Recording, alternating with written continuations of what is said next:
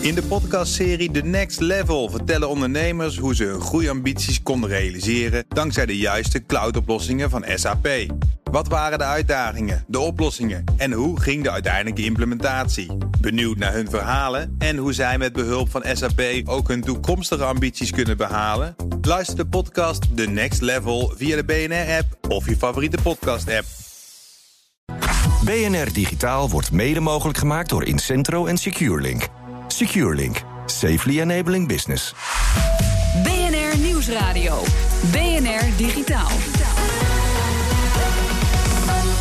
Herbert Blankenstein. C-Cleaner, een superhandig programmaatje dat rotzooi van je computer verwijdert. Maar afgelopen week bleek er rotzooi in C-Cleaner zelf te zitten. En dit keer was het niet de schuld van de eindgebruiker. Mijn backup is vandaag Koen Krijns van hardware.info. Fijn dat je er bent, Koen. Goedemiddag. En we beginnen met de technieuws. Daarvoor is Ivan Verrips hier. Ivan, Hi. de Electronic Frontier Foundation stapt uit het World Wide Web Consortium. Dat mag wel in de krant, zoals ze zeggen. Hè? Het heeft te maken met digitaal rechtenbeheer in browsers. Dit is een beetje een ingewikkeld verhaal, dus ik zal proberen om het toch simpel te houden. We hebben het er ook wel eens eerder over gehad. Uh, het World Wide Web Consortium is een club die bezig is met standaarden op het web. Um, die organisatie was bezig met uh, DRM, dus Digital Rights Management, in browsers. Kortom, dat eigenaren van content, bijvoorbeeld video's, dat kunnen verbergen voor wie zij willen. En uh, het probleem was een beetje dat die standaard die zou deels niet openbaar worden. Dus dan weet je niet wat er in je browser gebeurt. Wordt het een beetje een black box. Ja. Nou, dat, die standaard is nu in een redelijk vergevorderd stadium.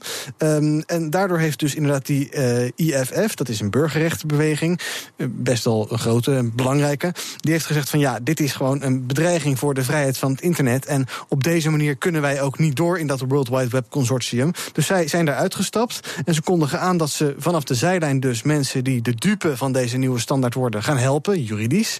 Uh, maar niet meer op de opbouwende manier in, die, in dit World Wide Web Consortium. Dat dus dat is best wel dreigend, ja. Ja, spannend. Houden we in de gaten. Na slimme telefoons, thermostaten en koelkasten krijgen we nu ook slimme truien. Ja, geweldig hoor. Voor minstens 100 dollar kan je in de VS een trui kopen. En dat is dan de trui van je favoriete basketbalspeler uit de NBA. En die trui, jawel, die kan je verbinden met je smartphone. Want, uh, heb nou, ik nou altijd al gewild. Ja, nou precies. Heb, heb jij niet zo'n overhemd dat je kan verbinden met je smartphone? Nog niet. Oh, nee, hij zag er zo meteen naar de winkel. Hij zag er zo modern uit. Ja. Nou, uh, uh, wat kan je ermee? Als je die trui scant, dan krijg je allerlei NBA-marketing en reclame en troep op je telefoon te zien. Nou, moet je ook maar willen. Maar je geeft er ook wat voor terug, namelijk allerlei informatie over jezelf. Uh, wie ben je? Waar, als een win-win situatie. Waar heb je de trui gekocht? Waar leeft de koper? Waar ben je op dit moment met je trui? Of waar is je trui op dit moment? Is dan eigenlijk wat je doorgeeft. Nou ja, ik zou niet zo goed weten wat ik met zo'n trui moet. Ik zou hem ook niet willen. Maar Nike ziet er wel brood in, want ze hebben een deal met de NBA voor 1 miljard gesloten. Dus een deal van acht jaar. Dus uh, nou, allemaal connected truien. Goed, dankjewel, Ivan. BNR Nieuwsradio. BNR Digitaal. Het handige programmaatje C-Cleaner is al jaren een betrouwbare tool dat allerlei troep van je computer kan verwijderen. Oude ongebruikte bestanden, cookies, ballast uit het Windows-register. Het is ideaal. Maar wat nou als zo'n onderhoudsprogrammaatje zelf besmet raakt? En dat gebeurde de afgelopen week. Meer dan 2 miljoen gebruikers kregen malware in hun C-Cleaner. En daar ga ik over praten met Jan Terpstra, beveiligingsdeskundige van DXC Technology. Hoi Jan. Goedemiddag. Vaste gast hier zo. Wij zeggen altijd updaten, updaten, updaten. En altijd de laatste versie gebruiken. En als je dat dan bij C-Cleaner keurig netjes deed, dan kreeg je alsnog malware. Ja. Hoe kan dat? Uh, in het proces van het ontwikkelen van de software is ergens een achterdeurtje ingeslopen. En uh, je moet je voorstellen, vroeger kocht je software van één bedrijf. En dat die hele software werd met, door één bedrijf gebouwd.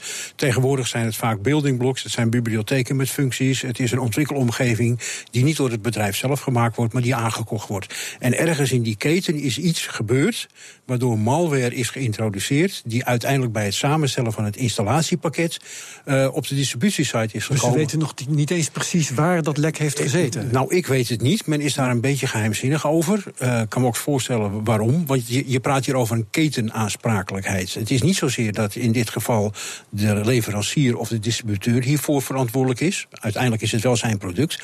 Maar in eerste instantie is de fout eerder in het hele proces ontstaan. En het is erg moeilijk te achterhalen waar precies. Uh, aanspraken, reputaties en dergelijke komen dan, belangen komen dan in het spel. Het, het, lijkt ook bijna een trend te worden. Want natuurlijk een tijdje terug hadden we die Petya-malware aanval. Dat was oorspronkelijk ook verborgen in volgens mij Oekraïense boekhoudsoftware. Dus gewoon in normale software die bedrijven gewoon installeren. Dat en daar zat het in verstopt. geloof ik, hè? Ja, dus we zien het nu eigenlijk al voor de tweede keer. eh, Ja, en heel, dus- heel wijd verbreid dat gewoon malware dus verstopt zit. Ja, en we zien het bij bugs ook. Er zit een bug in Android. Eh, Google fixt dat ding. Maar vervolgens wordt het verderop in het traject niet gedistribueerd door de leveranciers van de telefoons. Dus je blijft met een lekker telefoon zitten. Dus die hele ketenaansprakelijkheid, die bijvoorbeeld in de auto-industrie en in de voedselindustrie wel goed geregeld is, die moet echt op de schop in de software-industrie. Ja. Eh, weten we ook wat die malware eigenlijk deed voor kwalijks? Eh, ja, het was, werd een achterdeurtje. Hè, bekende malware, die ging naar een command-and-control server en haalde iets op wat uitgevoerd werd. Het is alleen ze niet duidelijk of. weer alles mee doen wat ze Ja, willen. daar kun je alles mee doen. Ja. Ja. Dus de, de fabrikant geeft trouwens aan dat dat niet gelukt is. Dat al die mensen dus niks binnen hebben gehaald. maar daar moeten ze ja, maar op vertrouwen. ja, volgens hun eigen logging en volgens de AVAS-logging die daaraan is gelieerd, is er nooit iets daadwerkelijk misbruik eh, in die, eh, van die achterdeur. Oké, dat is dan een geluk bij een ongeluk. Ehm, nou heeft de Electronic Frontier Foundation, daar hoorden we net ook al iets over... eh, die heeft gezegd, softwarefabrikanten kunnen hun eigen hard en software niet meer vertrouwen. Ze moeten software extern laten toetsen. Is het mogelijk om te testen op dit soort problemen? Nou, als ik zie wat bijvoorbeeld bij bankapplicaties gebeurt, dat tot op het laatste kommaatje de source code wordt geïnspecteerd. Het, het hele ontwikkelproces voordat het naar de bankklant gaat. En ik heb het erover de, de, de apps van bijvoorbeeld ING en ABN Amro. Daar wordt bijna met een vergrootglas gekeken naar het hele ontwikkeltraject. En daar kan bijna niet iets bij fout gaan. Eh, tenzij het echt een softwarefout is. Maar opzettelijk iets eh, qua misbruik in die software aanbrengen is vrijwel onmogelijk. Eh, dat is een heel duur proces. Het is Ja. Een heel nauwkeurig Ja. proces. Eh, je kunt je afvragen of dat voor eh, software die gratis verkrijgbaar is wel een optie is. Dan zou je daarvoor moeten gaan betalen. Tegelijkertijd kun je daar wel aan toevoegen dat juist bij dit soort software, CCleaner is toch ook een soort beveiligingssoftware. Het is onderdeel van Avast, de grootste antivirusleverancier van, van de wereld. Je zou zeggen dat zij misschien wel een extra verantwoordelijkheid hebben. Want als mensen beveiligingssoftware niet meer kunnen vertrouwen, dan is het einde wel een beetje zoek. Ja, en eh, als je dan ook ziet dat sommige beveiligingsbedrijven zelf gekraakt worden, dan krap ik me wel even achter mijn oren wat de industrie zichzelf nog eh, aan eh, verplichtingen moet opleggen. Ja, ehm, hoe moet je hier als eh, gebruiker op reageren? Want ja, we willen CCleaner misschien wel graag gebruiken om onze computer schoon te houden. We gaan ons natuurlijk ook afvragen hoe zit het dan met allerlei andere software die we graag gebruiken en, en downloaden en updaten. Ik zeg toch weer het mantra: schietgebedje en backups maken. Daar zijn we even stil van. Met andere woorden, het risico accepteren. Ja, het risico accepteren. Het is totaal buiten jouw controle. Je kunt er zelf niets aan doen. Je hebt geen grip op de ontwikkelingsketen. Je hebt geen grip op de distributieketen. Vaak gaat het automatisch. De nieuwe versie van de software komt zo, als, als magie in één op jouw computer of op jouw eh, tablet te staan. Zonder dat jij er zelf invloed op kunt uitoefenen. Dus je kunt je maar beter wapenen tegen de gevolgen daarvan. Ja, eh, Koen, jij eh, bent, je hebt de leiding over een eh, belangrijk onderdeel bij de persgroep, een eh, hardware info. Hoe doen jullie dat binnen jullie bedrijf? Het- Ook hier geldt, ik kan alleen maar onderstrepen, backups maken en backups hebben is het allerbelangrijkste. Altijd er gewoon voor zorgen dat je je belangrijke bestanden op twee plekken hebt. En dat, dat kan voor iedereen tegenwoordig heel simpel. Eh, je kunt gewoon ervoor zorgen dat je belangrijke bestanden op je computer zelf hebt en ergens in de cloud. Dus via Dropbox of OneDrive of wat dan ook. Ehm, want inderdaad, er kan altijd weer iets, iets anders gebeuren eh, wat je niet ziet aankomen. En dan, dan Ja. heb je gelukkig maar de backup. Ja, en uiteraard binnen grote, binnen grote bedrijven, ook binnen, binnen de persgroep, eh, eh, wordt software natuurlijk ook alweer intern getest voordat het wordt uitgerold. Gelukkig kunnen wij bij Hard Info zelf nog een beetje bepalen wat we installeren.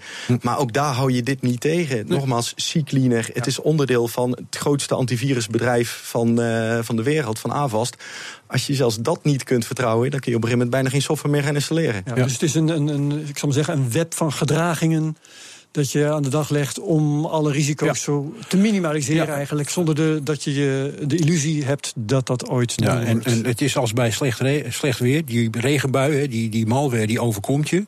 Nou, bij regen kan ik een paraplu opsteken. Dat is een uitstekend beschermingsmiddel om eh, niet nat te worden, of in elk geval niet drijfnat te worden. Nou, je moet vergelijkbare maatregelen nemen in je eigen automatiseringsomgeving. Ja, nou is het dus het, probleem heeft zich nu eh, eh, vertoond bij CClear. Dan kun je zeggen, oké, dan vertrouw ik dat niet meer. Ehm, is een dergelijk programma eigenlijk nog wel nodig? Want volgens mij zijn heel veel eh, methoden om je Windows-computer goed te onderhouden, die zijn intussen verschoven naar Windows zelf. Je kunt op allerlei manieren kun je je cookies beheren en het register opschonen, al die andere dingen die ik noemde.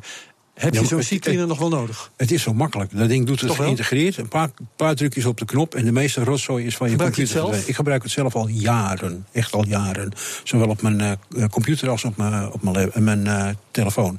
En ik moet zeggen dat het wel degelijk uitmaakt. Zeker de vrije ruimte die ik op mijn telefoon heb. Ik heb een vrij oude smartphone. Het is toch wel makkelijk als je daar twee keer per week even de boel kan opruimen. Want anders kan ik niet eens mijn- e-mail meer openen. Tegelijkertijd moet ik wel zeggen, ik heb het gevoel dat C-Cleaner een beetje een oplossing is voor een ouderwets probleem. Je ziet wel dat moderne Windows-versies er veel beter mee omgaan als je software deinstalleert. Dat, dat er is niet waar. heel veel rommel blijft saan. Dus zeg maar, tien jaar geleden kon je bij spreken niet zonder eh, dit soort programma's. Ik moet zelf zeggen dat ik ze al jaren niet meer heb gebruikt. En ze ook eigenlijk niet Het meer. is ook een beetje een vorm van luiheid bij mij hoor. Ik ben eraan gewend, dus ik blijf het gebruiken. Ja, want er zijn waarschijnlijk intussen ook nog allerlei alternatieven. Misschien zijn er wel betere alternatieven, maar daar heb ik niet naar gekeken, want dit werkt voor mij. Ja.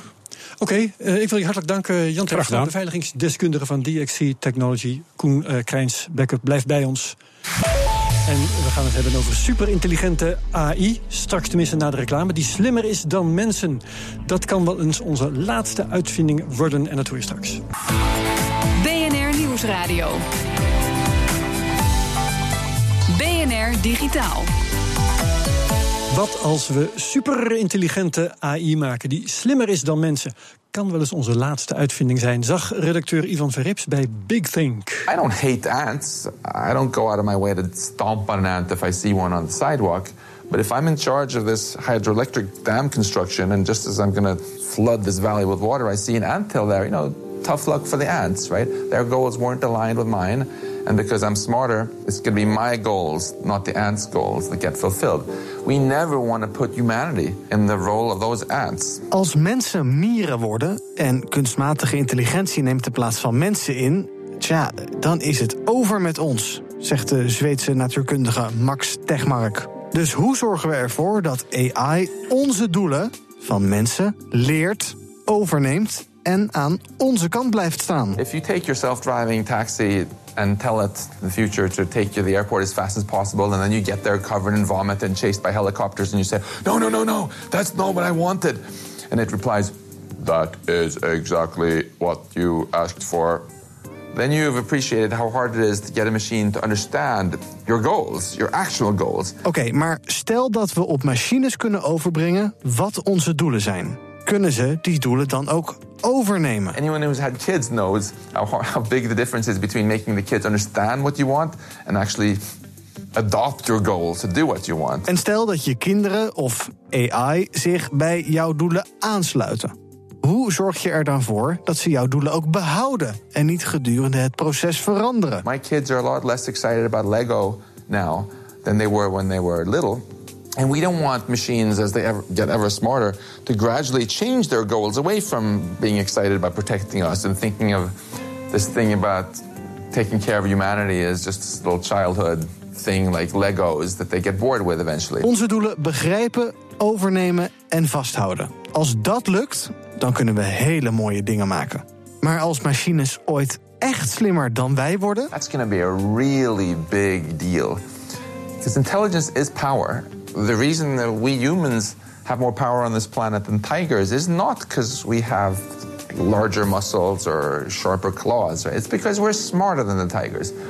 And in this exact same way, if machines are smarter than us, it becomes perfectly plausible for them to control us and become the rulers of, of this planet and beyond.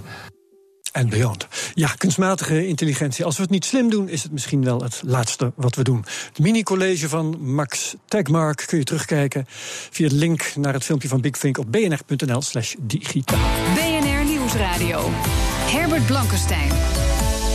YouTube stopt met zijn betaalde videokanalen en gooit het deels over een andere boeg. Je kunt namelijk tegen betaling je gaan abonneren op je favoriete makers. En daar ga ik over praten met Sonja Lot van Social Inc. Hallo. Hi. Abonneren op makers, dat is ook weer niet zo heel erg nieuw. Werkt dat in de praktijk? Nee. In de praktijk, ja, abonneren wel, betalen niet.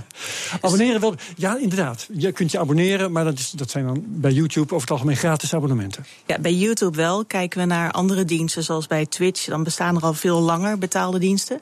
Ja, voor, voor YouTube is het nieuw en je kunt je afvragen. Ze vragen 5 dollar.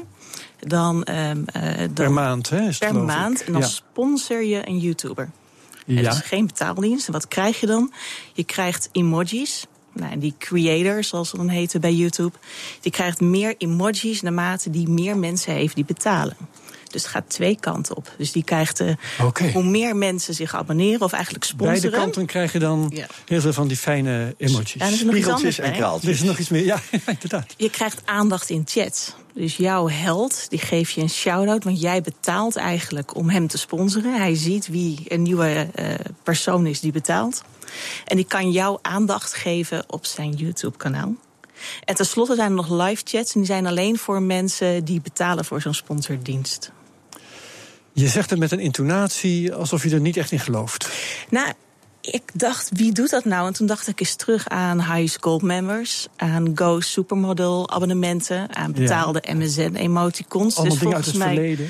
staat het al heel lang en werkt het ook heel goed. En heb ik dit zelfs voor mijn kinderen betaald uh, en gezien dat het werkt. Dus ik denk dat het werkt.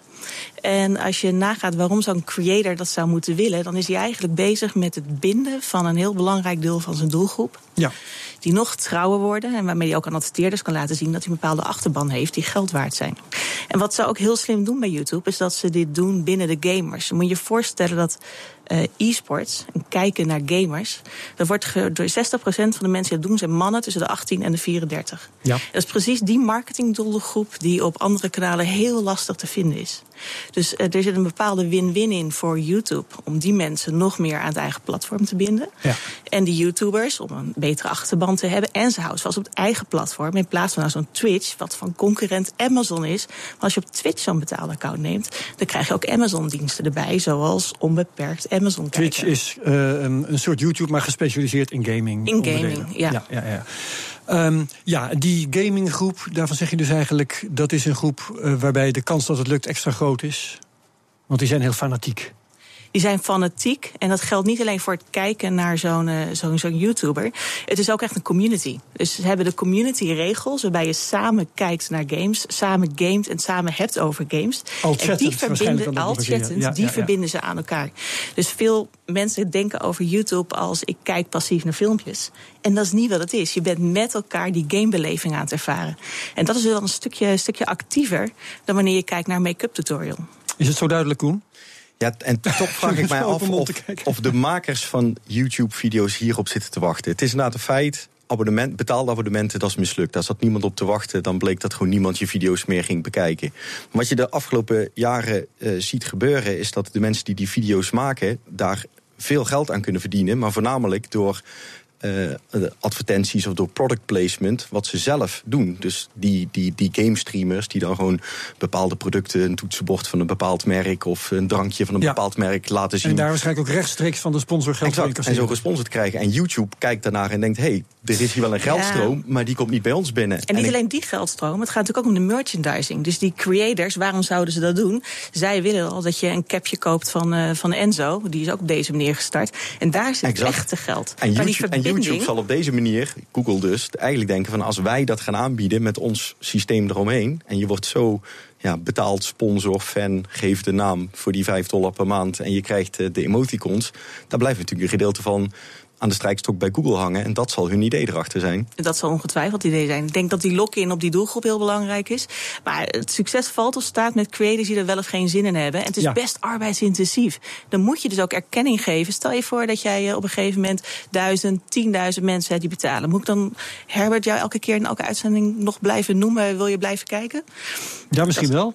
Ja, nou, ze hebben nog een andere dienst hè, bij uh, ja, okay. uh, Superchat binnen YouTube. Dat ja. bestaat sinds begin van dit jaar. Daar kun je ook voor betalen. En dan uh, betaal je een bepaald bedrag en dan komt jouw chat bovenaan te staan gedurende een bepaald aantal seconden. Dat doen mensen dus al. Dus je betaalt ervoor dat wat jij zegt meer aandacht krijgt. Bovenaan bij staan en de meeste aandacht krijgt. Ja. Um, werkt dat? Blijkbaar wel, want ze ontwikkelen een hele volgdienst op. Ja, ja, ja. Dus uh, eigenlijk zijn het een hele hoop uh, wat Koen zegt, spiegeltjes en kraaltjes, die wel degelijk kunnen werken. Nou noemde Koen ook een aantal alternatieven. Hè. Je kunt aan merchandising doen, je kunt uh, sponsors in het zonnetje zetten op je kanaal. Um, kan een YouTuber die straffeloos combineren? Ja. Dat, je kunt gewoon het een doen en het ander niet laten. Je kunt Dat is Dus makkelijk zolang dan. redactionele content goed blijft, gaan mensen naar je kijken. Dus Ja. het is aan die YouTuber om, eh, om die balans goed te houden. Het interessante wel aan, eh, aan deze nieuwe ontwikkeling van sponsorships is dat het B2C is. Dus niet de adverteerder die bepaalt of het geld waard is. Het is de kijker die bepaalt of het geld waard is. Ja, en, en het enge eraan is dat er eigenlijk op YouTube helemaal geen regels voor zijn. Als je op tv product placements doet, zijn er allemaal regels voor in Nederland. Dat het moet met een tekst in beeld en Ja. noem maar op. Maar als een, een YouTuber eh, een, een, een drankje omhoog houdt Is en zegt zo? ik vind dat zo lekker, zijn er volgens mij nog geen regels Gelden voor de dat regels van het commissariaat voor de media niet ook voor dit soort uitingen? Volgens Jan mij Terpstra knikt van wel. wel. Als- het in ieder geval zo is, zie ik het weinig gebeuren in de YouTube. Nee, dat is een feit. Of het gehandhaafd wordt, is, is een andere eh, zaak. Ja. Ja. Is het iets voor hardware-info, Koen? Nou, ik, De- ik, deze vorm van inkomstenstroom? Kijk, ik merk in ieder geval dat wij, en wij zijn geen hele grote speler op YouTube, maar toch, we hebben toch ook eh, de nodige abonnementen op ons YouTube-kanaal Hart Info TV. Maar wij verdienen aan de zaken als mede mogelijk gemaakt door. Wat we eigenlijk net als tv-programma's eh, op normale tv ook hebben. Aan het begin van de video verdienen wij meer dan Ja. gewoon aan de dingen die YouTube daaromheen eh, doet eh, met hun Dus het is niet de moeite, zeg je eigenlijk, omdat je die andere inkomstenstroom al hebt. Ik kan me niet voorstellen dat wij hier enorm, eh, enorm eh, rijk van gaan nou- worden als we, als we extra emoticons Als je nou aparte dingen, bijvoorbeeld al, al je producttests betaalt, want dat is wat waard voor de consument. Ja, nou, maar tegelijkertijd, die, die vraag heb je natuurlijk ook met, met je gewone websites... waar mensen op Hardinfo ook hun product, producttest lezen. En in ieder geval, wij hebben bewezen dat we het beter kunnen verdienen... door die tests gratis beschikbaar te stellen...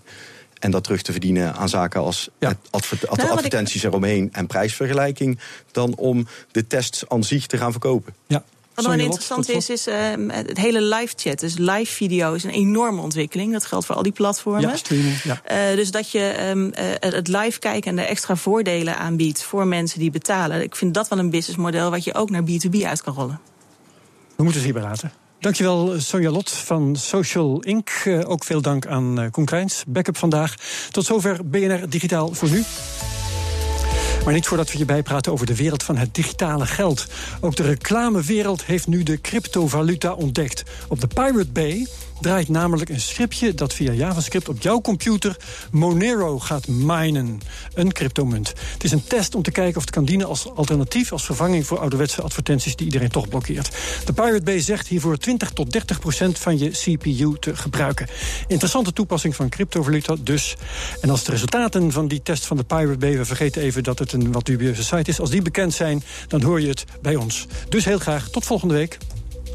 BNR Digitaal wordt mede mogelijk gemaakt door SecureLink en Incentro, een IT-bedrijf. In de podcastserie The Next Level vertellen ondernemers hoe ze hun groeiambities konden realiseren dankzij de juiste cloudoplossingen van SAP.